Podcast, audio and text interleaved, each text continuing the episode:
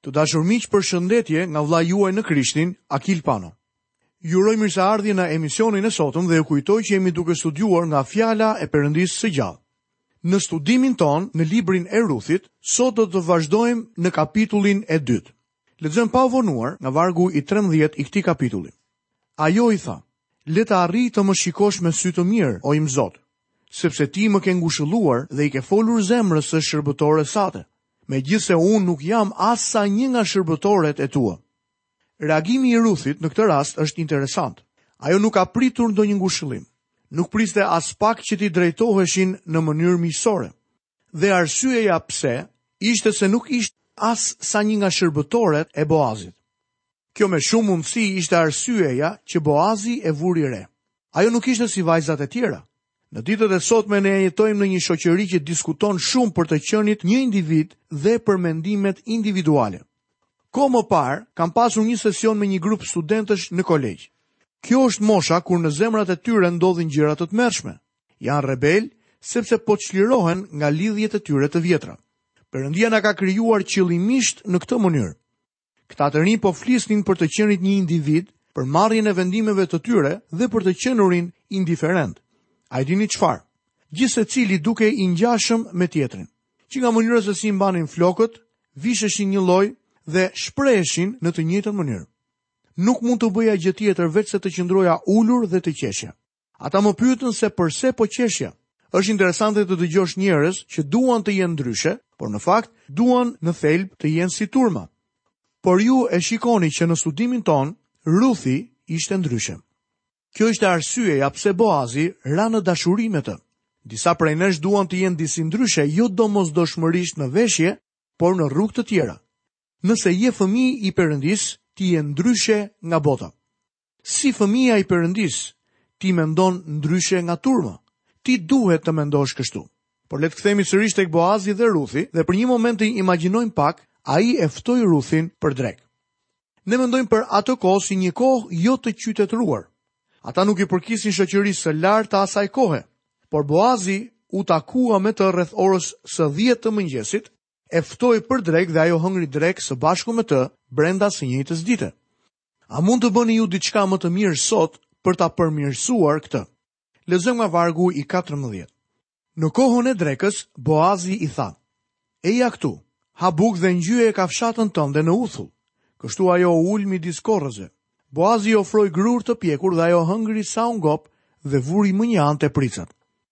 Dua të pyes sërish. A është Boazi i interesuar për të? Ai ka rënë në dashuri me këtë grua dhe tani po bën çdo përpjekje për ta bërë gruan e tij. Do të shohim se gjatë rrugës pati pengesa të mëdha. Lexojmë vargjet pesëmbëdhjetë dhe gjashtëmbëdhjetë. Pastaj u ngrit për të vazhduar mbledhjen e kallinjve që kishin mbetur dhe Boazi u dha këtë urdhër shërbëtorëve të tij duke thënë: Lëreni të vazhdojë të mbledhë kallinjtë edhe midis duajve dhe mos e qortoni. Përveç kësaj, lini që të bien për të kallinj nga dorëza dhe mos i merrni, me qëllim që t'i mbledhë ajo dhe mos i bërtisni. Ai madje u thotë shërbëtorëve të tij, dua të tregoheni të sjellshëm dhe të keni konsideratë për të. Lini që të bien kallinj nga dorëza që ajo t'i mbledhë.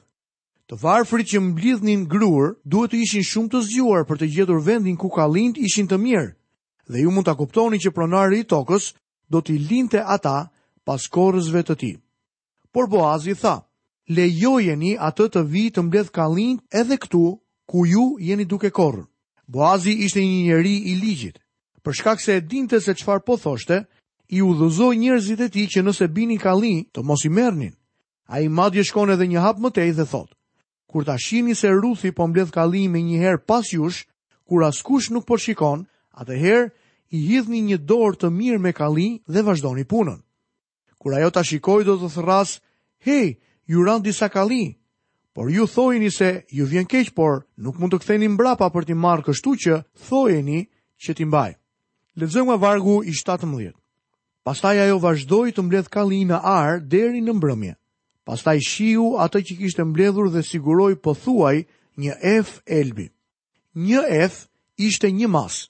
Vlera e saj do të ishte një rrogë e mirë ditore, sidomos për këtë vejushë të vogël. Lexojmë vargun 18 dhe 19. E ngarkoi në kurriz, hyri në qytet dhe e vjerra pa atë që kishte mbledhur. Pastaj Ruthi nxori atë që kishte tepruar nga ushqimi, pasi ajo ishte ngopur dhe ia dha. E vjerra e pyeti, Ku i ke mbledhur kallinjtë sot? Ku ke punuar? Bekuar qoftë ai që tregoi kujdes për ty. Kështu Ruthi i tregoi së vjerrës pranë kujt kishte punuar dhe shtoi, Njeriu pranë të cilit punova sot quhet Boaz. Kur Ruthi solli atë sasi të madhe gruri, Naomi, e vjerra e saj, tha, Nuk më kanë zënë sytë kaq shumë grurë. Ku ishe sot? Dikush ka treguar interes të madh për ty?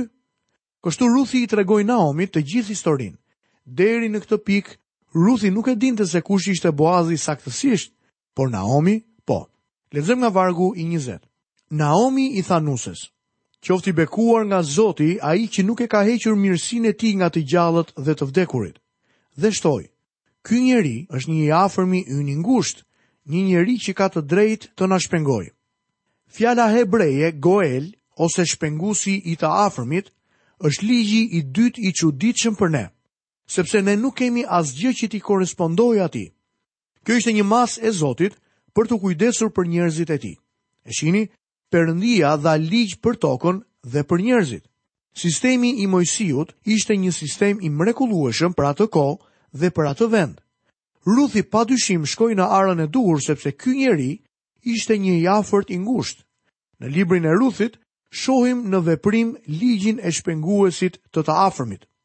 Në të vërtetë, jo gjithmonë e shohim në funksionim ligjin e Mojsiut në Izrael, por ky libër i vogël, libri i Ruthit pra, thekson për ne ligjin e shpenguesit të të afërmit. Perëndia kishte vendosur ligje të ndryshme. Një prej tyre ishte baza mbi të cilën Zoti kujdesej për të varfrit. Kjo ishte një mënyrë e pazakontë. Perëndia do t'i lejonte të shkonin në fusha dhe vreshta për të mbledhur pasi korrësit e pronarit e kishin kryer korrjen. Kjo ishte një mënyrë e mrekullueshme sepse mbas të korrave mbetej prodhim i mjaftueshëm për të varfrit. Disa vite më parë, kam pasur privilegjin që të mbaj një takim në një qytezë të Kalifornisë, pasi ishte vjelë rrushi. Pronari i vreshtit kishte marrë vesh se mua më pëlqente rrushi dhe më tha të shkoja në vreshtin e tij për të marrë sa të doja, kështu që pastori dhe unë shkuam atje. Ai na kishte thënë se tashmë e kishte vjelë rrushin dhe ne ishim të mirëpritur të merrnim gjithçka që kishte mbetur. Miq, Nëse do të kisha një kamion 10 tonësh, jam i sigurt që do ta mbushja plot me rrushin që kishte mbetur. Nëpër vreshta mund të shiheshin edhe verige të bukura dhe të mëdha rrushi. I thashë pastorit, unë dhe ti po mbledhim tepricat. Mendoj se po përmbushim vendin tonë sepse ne jemi predikues të varfër dhe po ushtrojmë atë që është pjesë e sistemit të Mojsiut. Mënyra e kujdesit të Zotit për të varfrit ruante dinjitetin e tyre duke u dhënë një mundësi për të punuar për atë që merrnin dhe jo të lypnin. Në historinë tonë të Ruthit, ndeshemi me ligjin e shpenguesit të të afërmit. Ky ligj shpallet për ne tek Levitiku 25 dhe operon në tre fusha të ndryshme, në marrëdhënie me tokën, individët dhe vejushat. Boazi ishte i afërmi i burrit të Naomit, emri i të cilit ishte Elimelek, që do të thotë Perëndia im është mbret. Mendoj se babai i Elimelekut dhe Boazit ishin vëllezër, gjë që i bën ata kushëri. Prandaj mund të themi se Boazi ishte gjithashtu kushëriri i burrit të parë të Ruthit. Naomi i thotë Ruthit se Boazi është një nga kushërinjtë e afërt. Theksi vendoset mbi fjalën hebreje goel. Çfarë do të thotë kjo? Le ta shohim këtë ligj në marrëdhënie me tokën. Levitiku kapitulli 25, vargjet 23 dhe 24 na tregon. Tokat nuk do të shiten përgjithnjë. sepse toka është e imja, sepse ju jeni të huaj dhe qiramarrës tek unë. Prandaj, në të gjithë vendin që keni pronë, do të jepni të drejtën e shpengimit të tokës. Si do ta bënte Perëndia këtë? Lexojmë në vargun e 25 të kapitullit 25 të Levitikut. Në qoftë se yt vëlla, bëhet i varfër dhe shet një pjesë të pronës së tij, ai që ka të drejtën e shpengimit i afërti i tij më i ngushtë do të vijë dhe do të shpengojë atë që vëllai i tij ka shitur. Ky është ligji i shpenguesit të të afërmit të ngushtë në lidhje me tokën. Tani le ta shohim këtë në veprim. Kur këta njerëz erdhën në vend, Perëndia u dha tokën e premtuar. Ajo tani u përkiste atyre, por ata e zotëruan vetëm në bazë të besnikërisë së tyre ndaj Zotit. Kur nuk ishin besnikë ndaj Zotit, Perëndia i nxirrte nga vendi. Ai tha: Toka është e imja, por unë jua jap juve si një trashëgimni të përjetshme. Shohim që Perëndia u jep atyre emra. Perëndia i vendosi në vend sipas fiseve. Një fis i caktuar kishte një vend të caktuar në atë tokë. Në fund të Biblës tuaj mund të keni harta që tregojnë ndarjen e vendit midis fiseve të Izraelit. Çdo familje brenda çdo fisi kishte një pjesë të caktuar toke. Ai nuk mund ta linte atë. Por mendoni sikur të bëhej i varfër. Ndoshta për dy ose tre vjet rresht, mund të mos kishte marrë prodhim të mirë. Uria vinte për shkak të mosbesnikërisë së tyre ndaj Zotit. Kështu një njeri duhej të hiqte dorë prej tokës së tij. Por ja që ai kishte një fqinj të pasur, i cili shihte mundësinë për marrjen e një pengu.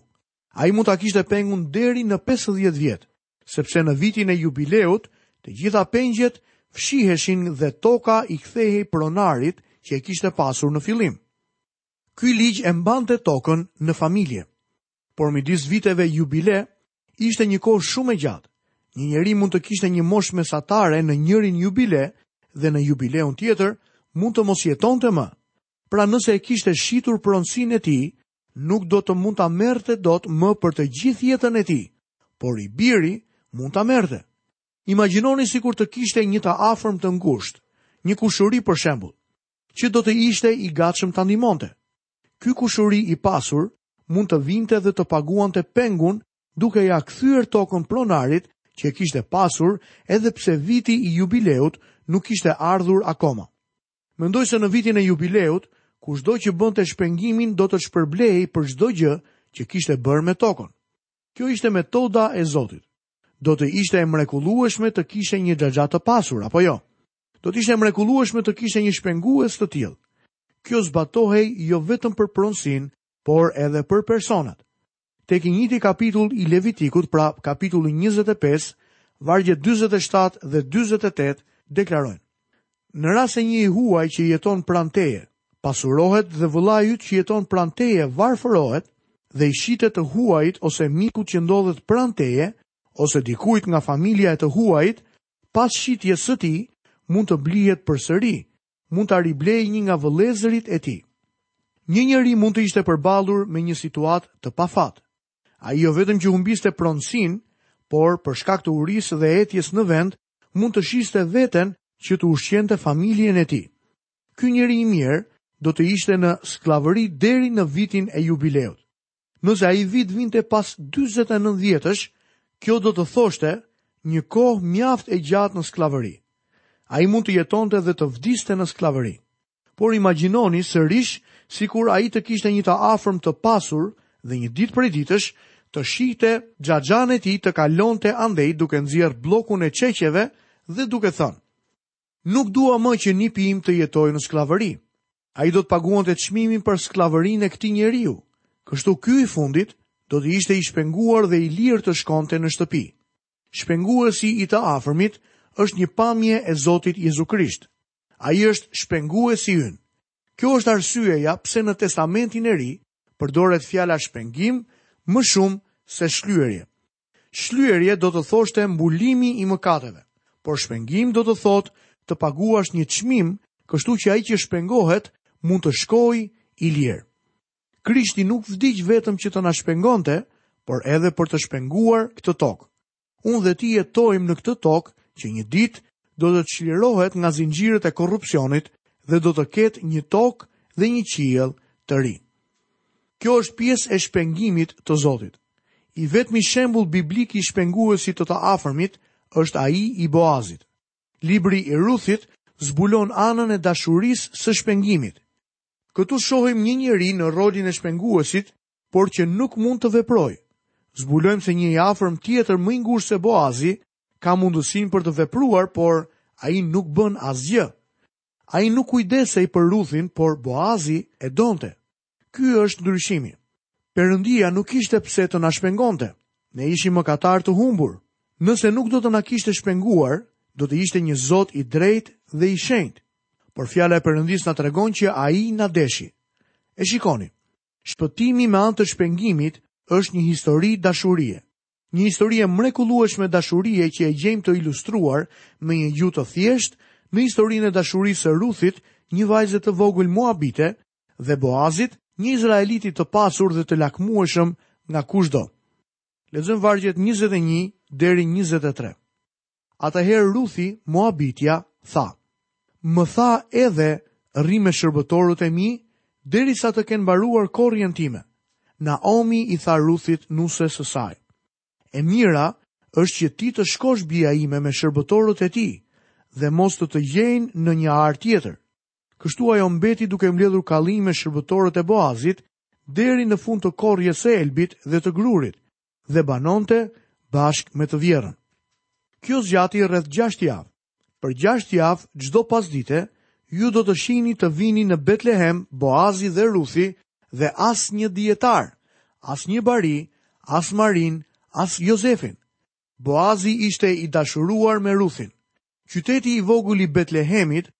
do të fillonte nga thashethemet. Beqari më i mirë i qytetit na iku nga duart, ra edhe ai në dashuri. Jam i sigurt se Naomi, vjehrra e Ruthit, mund t'i shikonte ata të dy duke u kthyer çdo pasdite. Ajo e dinte që duhej bërë diçka për këtë sepse në fakt Ruthi nuk ishte në një pozitë të mirë. Boazi është i dashuruar me të dhe dëshiron ta shpengojë. Kjo histori dashurie, të sjell ndërmend historinë tonë të dashurisë, me shpenguesin tonë, Zotin Jezu Krisht. A nuk është e mrekullueshme të kesh një shpëtimtar i cili të do, që erdhi në këtë tokë 2000 vjet më parë në mënyrë që të na shpengonte. Të dashur miq, këtu kemi mbërritur në fundin e kapitullit të dytë të librit të Ruthit. Në minutat e fundit të programit tonë, do t'ju bëjmë një prezantim të shkurtër të kapitullit të tretë, për të cilin do të flasim hollësisht në dy emisionet tona të ardhshme. Tema që do të shqyrtojmë në kapitullin e tretë është në vendin e shirjes së grurit të Boazit. Në këtë kapitull do të shkojmë në vendin ku Boazi shin grurin. Është e dukshme që Ruthi nuk po kërkonte atë që i takonte. Kështu që Naomi vendos të marrë në dorë situatën.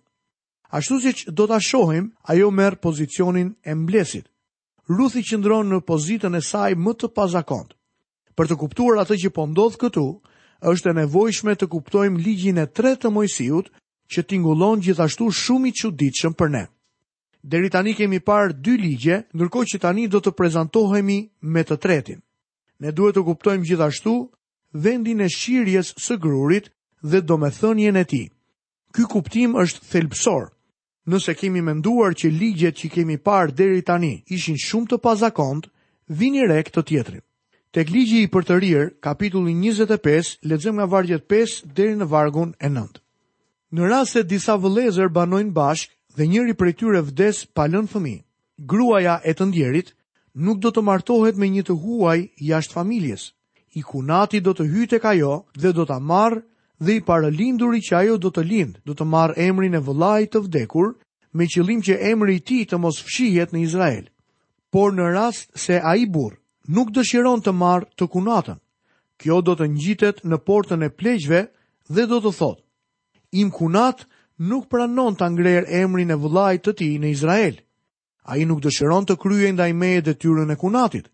atëherë pleqtë e qytetit të tij do ta thërrasin dhe do t'i flasin dhe në qoftë se ai ngul këmbë dhe thotë nuk dua ta marr, atëherë kunata e tij do t'i afrohet në prani të pleqve, do t'i heqë sandalen nga këmba, do ta pështyjë në fytyrë dhe do t'i thotë.